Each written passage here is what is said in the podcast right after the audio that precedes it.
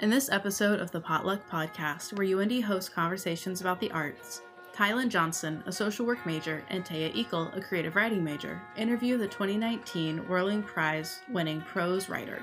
Etchings Press, a student run publisher at the University of Indianapolis, awards the Whirling Prize each fall to two books that demonstrate an excellent and compelling response to a theme selected by students.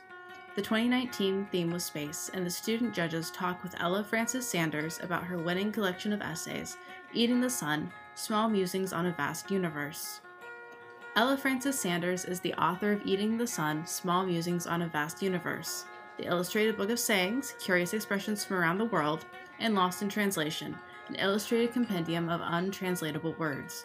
She is a writer and illustrator who currently alternates living between the UK and France. We thank you for listening to UIndy's Potluck Podcast, which is hosted by students and faculty of the University of Indianapolis. We would like to thank our guests and the Shaheen College of Arts and Sciences. To learn more about the Potluck Podcast and hear other episodes, please visit etchings.uindy.edu forward slash the hyphen potluck hyphen podcast. Thank you for your support. Hi, I'm Taya Ekel. And I'm Tylen Johnson. Today we are talking with Ella Frances Sanders, who is all the way in Scotland. Ella is the winner of the 2019 Whirling Prize in Prose. Ella, do you find the topic of space to be a daunting concept? I love this as a question because I think it would be the right kind of question to ask anybody. I find it overwhelming, which isn't the kind of overwhelming that is rapidly followed by any kind of large fear. It, for me, it's more the type of overwhelming that then leads to a sort of quiet reverence and this kind of peacefulness with the knowledge that I'm so incredibly small. So I think, yes, maybe on the whole, the balance would be more reassuring, overwhelming, rather than kind of fearful, daunting. Why write about the concept of space when your last two works were about language? I think there are two answers to this. The first would be that for me, the subjects are more closely related than maybe they would first appear. Science is a language too, in its own way, and we're fairly surrounded at all hours of the day by communications that we don't yet fully understand or actually have no grasp on. Uh, and these communications and their meaning, so, you know, between plants and animals and and matter more broadly, they're just important to me, I guess, as the as investigating the method languages that we usually think of when we're hearing the term. So yes, I think there were kind of ties that I was making while working on this book to the others. And then the second answer to the question is that the idea for eating the sun had been brewing for several years, and it was only after my first two books, Lost in Translation and the Illustrated Book of Sayings, that there seemed to be the right kind of room or the right kind of interest because the subjects and the themes written about in Eating the Sun are things that all render me very, very stuck and very, very fascinated on a daily basis. So the content was sort in a way already close to the surface, which is something that I think anybody would find difficult to ignore and feel that they wanted to funnel it into something. So the right time, the right editor. I feel very lucky that uh, the editor fell enough in love with the idea, and I always it's nice to, to for someone to trust you um, when it comes to pulling a book out of thin air. How did writing Eating the Sun change your view of indefinite concepts like time, the universe, and our perceptions of it? I think it made me a lot more comfortable with them more comfortable interacting with them because my sense is that many people feel these large and, and relatively undefinable concepts can't be spoken about in a casual way or that they don't lend themselves to things like lightheartedness or humour or comparisons to the mundane. And I, I think that talking about indefinite, grand, sparkly ideas in smaller, more accessible ways is going to be an important part, I think, of how we change the ways in which we interact with the planet. Because I don't think going forward it's going to be possible to to keep a maintain a sort of separation between big ideas, intangible ones, and then people, you know, hanging out there washing or getting groceries. I think the things will need to come together more if we're going to figure out what we're going to do about everything. So, if you could lead a talk about the subjects you wrote about in Eating the Sun, what subject would it be and why? I truthfully don't know if I would be able to trim it down much at all. I, I think I'm hopeless at that sort of trimming or condensing.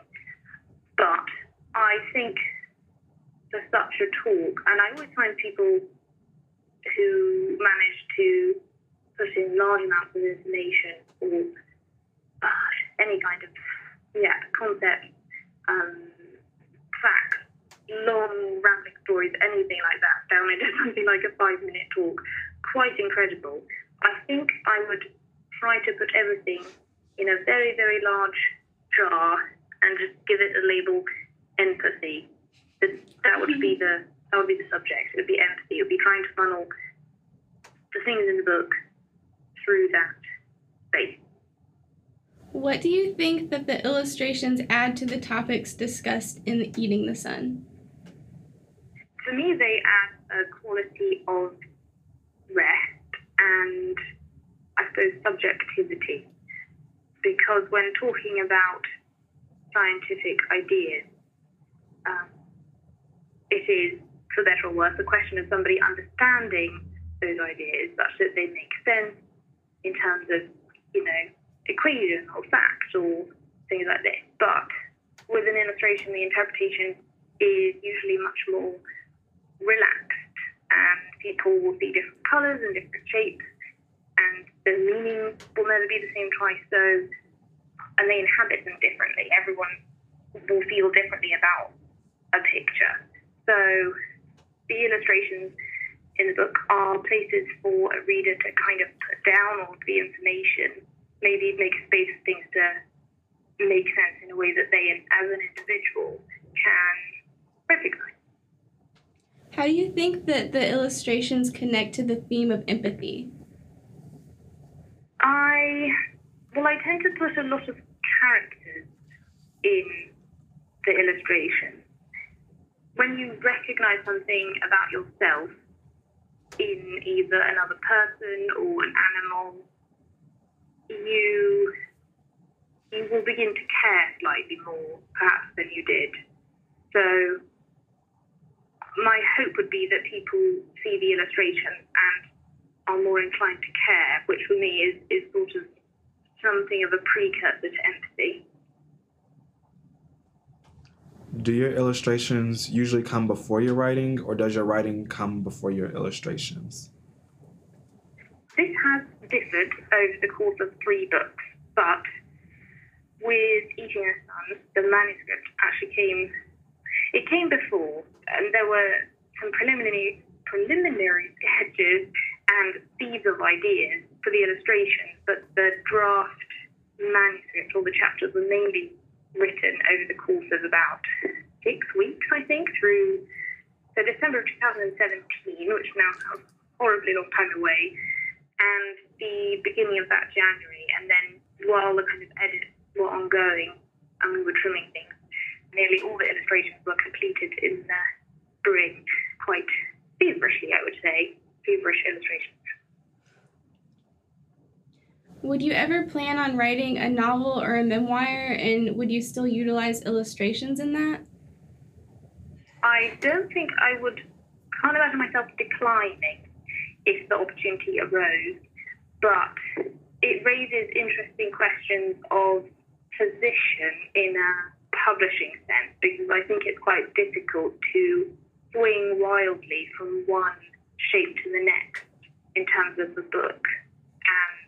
I think generally an audience would prefer it or feel more comfortable if a writer kind of stay on one kind of track, but it would be more expected for somebody to be producing work of a similar type.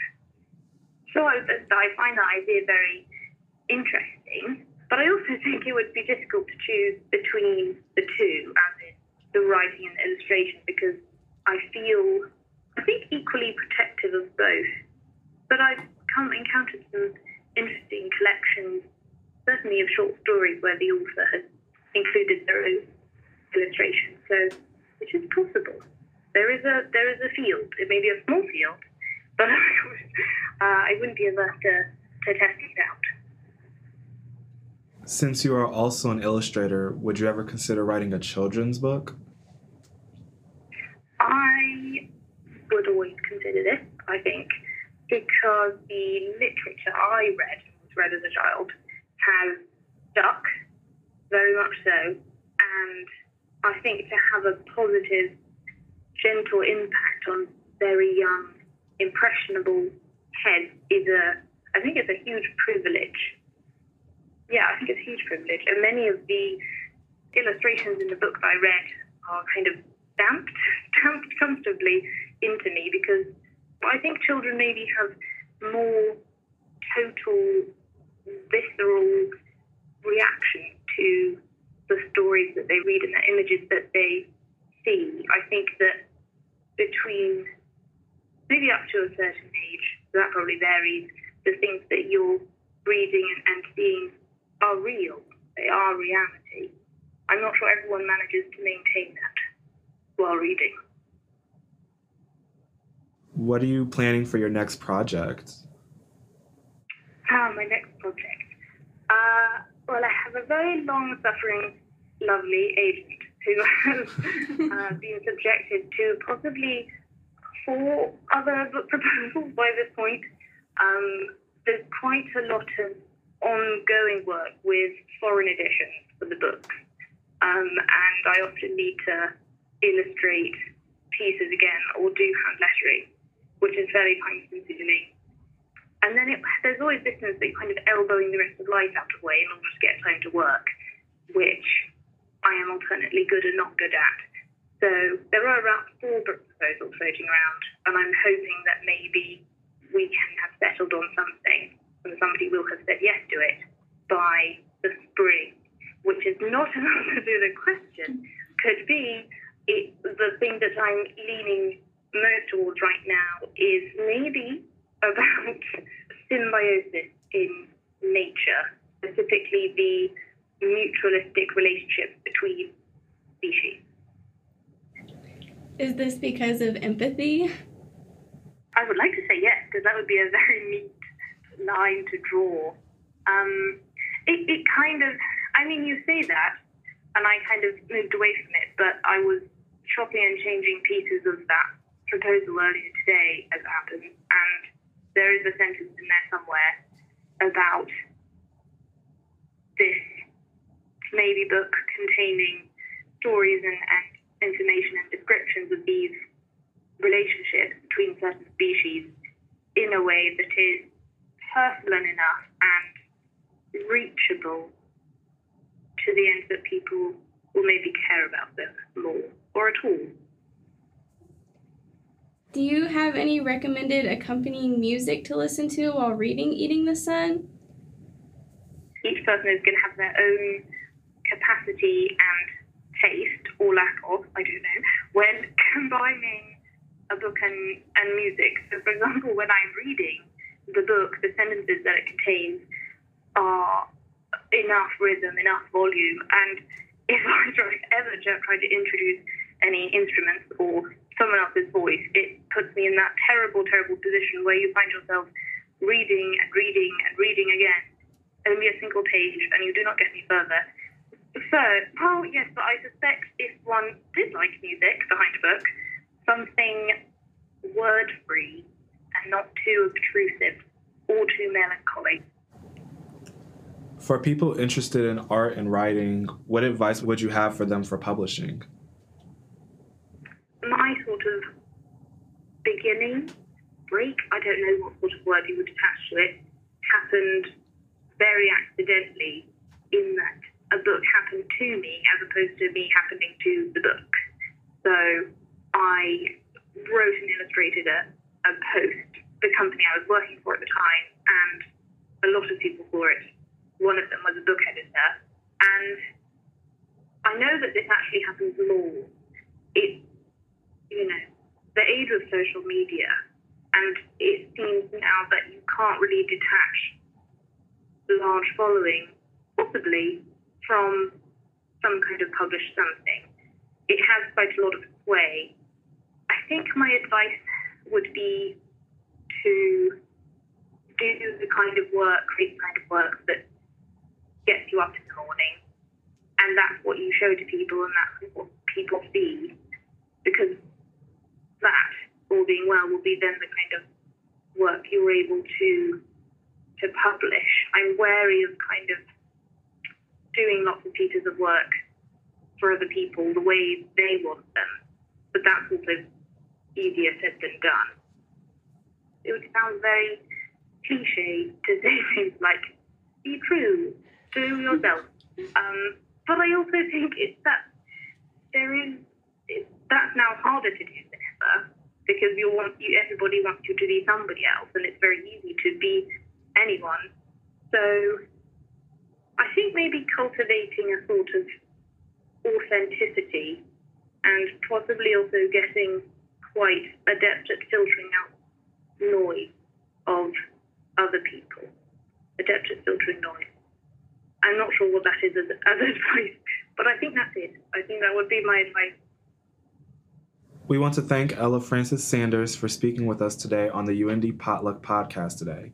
Congratulations again on winning the 2019 Whirling Prize.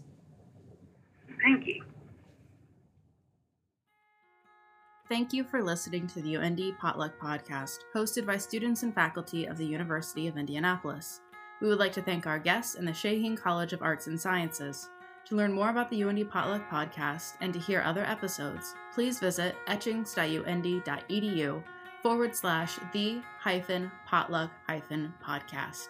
Thank you for your support.